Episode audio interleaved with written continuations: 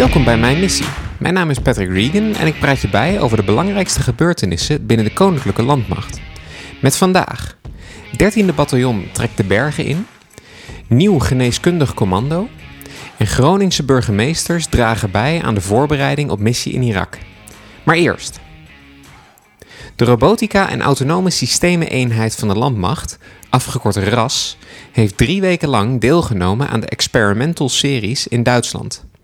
Bij RAS kun je bijvoorbeeld denken aan onbemande voertuigen en systemen die tot op zekere hoogte militaire functies en taken kunnen overnemen, zoals transport of communicatie. Veel van die systemen bevinden zich nog in een experimentele fase. We zijn hier in Duitsland, in uh, Münster Noord, op een uh, oefenterrein waar we samen met de Duitsers uh, deelnemen aan de experimentaalseries. Een oefening waarbij we samen met de Duitsers allerlei nieuwe concepten en nieuwe technieken uitproberen. Wij eh, zijn hier onder andere om de Duitsers hun opleiding af te ronden op onze milremsystemen, de robots. En vervolgens gaan wij een aantal uh, experimenten met hen doen hoe deze systemen in te zetten. En daarbij maken wij gebruik van onze kennis die we hebben opgedaan uh, in Litouwen tijdens ons operationeel experiment daar. Daarnaast uh, voeren wij ook uh, eigen experimenten uit uh, vanuit ons eigen RAS-programma. En een daarvan is met de genie, die hier is met drones en aan drone mapping doet. Dat houdt in dat zij met een LiDAR-camera onder de drone een ja, gebied digitaal in kaart brengen, 3D in kaart brengen. En die data kunnen wij dan weer gebruiken voor onze simulatiesystemen. Hoog in Tirol oefende begin september de Delta-compagnie van het 13e bataljon het optreden in bergachtig terrein. Naast schiet- en klimoefeningen betekende dat ook locaties peilen, radiocontact maken en veel verplaatsingen op verschillende hoogtes.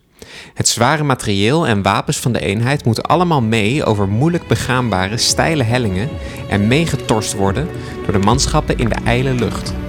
We zijn hier een, uh, een van de, de, de 11e Luchtmilibrigade zijn we hier aan het trainen.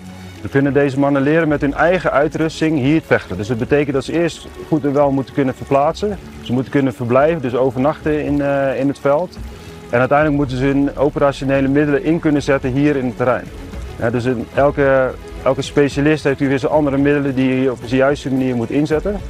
En dat is natuurlijk niet te vergelijken met wat we in Nederland kennen, omdat we hier natuurlijk zitten met de elevatie en daar moeten ze mee leren omgaan.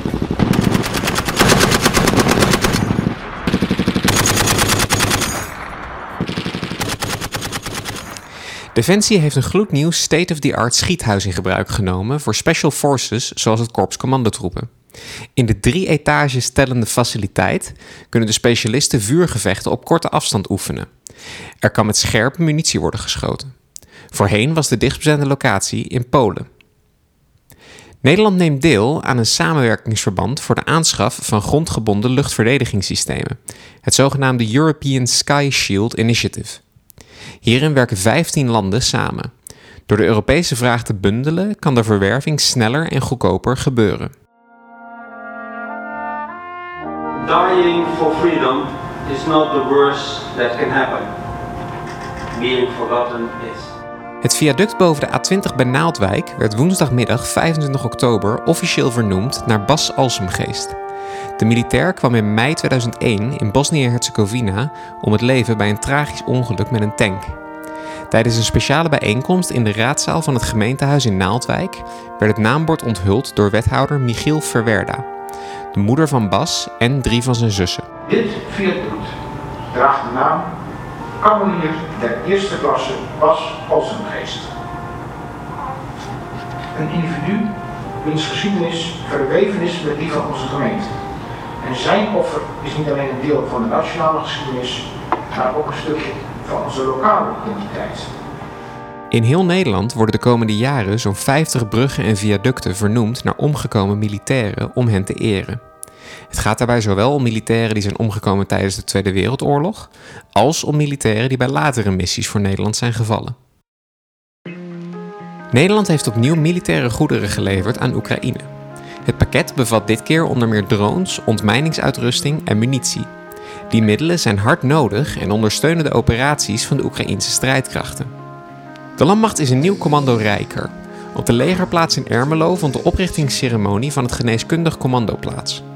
Door de oorlog in Oekraïne is het opvangen, behandelen en afvoeren van grote aantallen gewonden plots een reëel thema geworden. Naast de oprichting wordt er geïnvesteerd in extra personeel en materieel. Zo komt er letterlijk en figuurlijk meer verband in de medische keten, zegt commandant landstrijdkrachten luitenant-generaal Martin Wijnen. Nederlandse militairen ondersteunen deze maand de verplaatsing van de 1st Infantry Division Combat Aviation Brigade. Ongeveer 1400 voertuigen en containers rijden via Nederland naar Duitsland, Letland en Polen.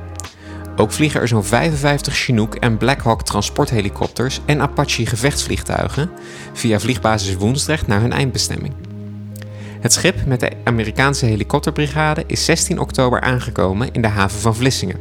Vandaar gaat het materieel verder over de weg en in de lucht. Het is hier een, uh, uh, een van de dagen dat we het schip lossen. We hebben dus een groot schip met materieel dat is aangekomen en op dat schip staat al het materiaal van 1st Combat Aviation Brigade. Dat is uh, een Amerikaanse helikopterbrigade van de landmacht en die is onderweg naar Oost-Europa. Eigenlijk drie bestemmingen: Duitsland, Polen en Letland. En wat wij hier doen is het leveren van gastlandsteun. Dus wij leveren eigenlijk uh, diensten aan het Amerikaanse leger. En in de meeste gevallen betekent dat bewaken en beveiligen. Maar wij ondersteunen ook met logistiek. En wij zorgen hier voor legering en voeding van die mannen en vrouwen. zodat ze op een ja, goede en veilige manier hun doortocht kunnen gaan maken. Brigadegeneraal Cas Schreurs wordt troepencommandant van de NAVO-missie in Irak. Hij leidt en coördineert vanaf mei de inzet van verschillende NAVO-landen. De missie draagt bij aan de stabiliteit en veiligheid van Irak. Op dit moment is Schreurs commandant van de luchtmobiele brigade in Schaarsbergen. Nederland gaat vanaf januari meer bijdragen aan de NAVO-missie in Irak. Eind oktober trainde Rode Beretten uit Assen om zich hierop voor te bereiden in de Marnewaard. De militairen zijn straks in Irak ook verantwoordelijk voor het beveiligen en escorteren van VIP's. Om dit te oefenen werden een achttal burgemeesters uit de provincie Groningen bereid gevonden mee te werken. Ja, wij zitten hier in uh, Marnewaard op dit moment omdat wij uh, ons aan het voorbereiden zijn op onze uitzending naar, uh, naar Irak. Nou, waar, waar, bestaat die uitzending uit? Dat is eigenlijk het ja, beveiligen van VIP's, Force Protection. Um, nou, deze week zitten we in Marnewaard. We hebben hier een oefendorp, we hebben hier echte burgemeesters. Um, dus dit biedt ons ja, de kans om zo realistisch mogelijk te trainen en ons voor te bereiden op, op onze uitzending in Irak. Nou, op dit moment zijn ehm, de groepscommandanten, de teamleiders, zijn de deur uit. Die halen nu de burgemeesters bij hun thuis, thuis op. Nou, dan geven ze een bodyguardbrief, dus hoe ze de samenwerking zien, hoe ze de veiligheid waarborgen van die burgemeester. Vervolgens rijden ze naar Zuidhoorn. Daar komen een aantal burgemeesters bij elkaar om uh, ja, te vergaderen, te overleggen. Uh, nou, uh, en als de afspraak voorbij is, nou, dan begeleiden ze die burgemeester weer naar buiten. De burgemeester die stapt in, in de voertuigen. En die burgemeester wordt weer thuis, thuis gebracht.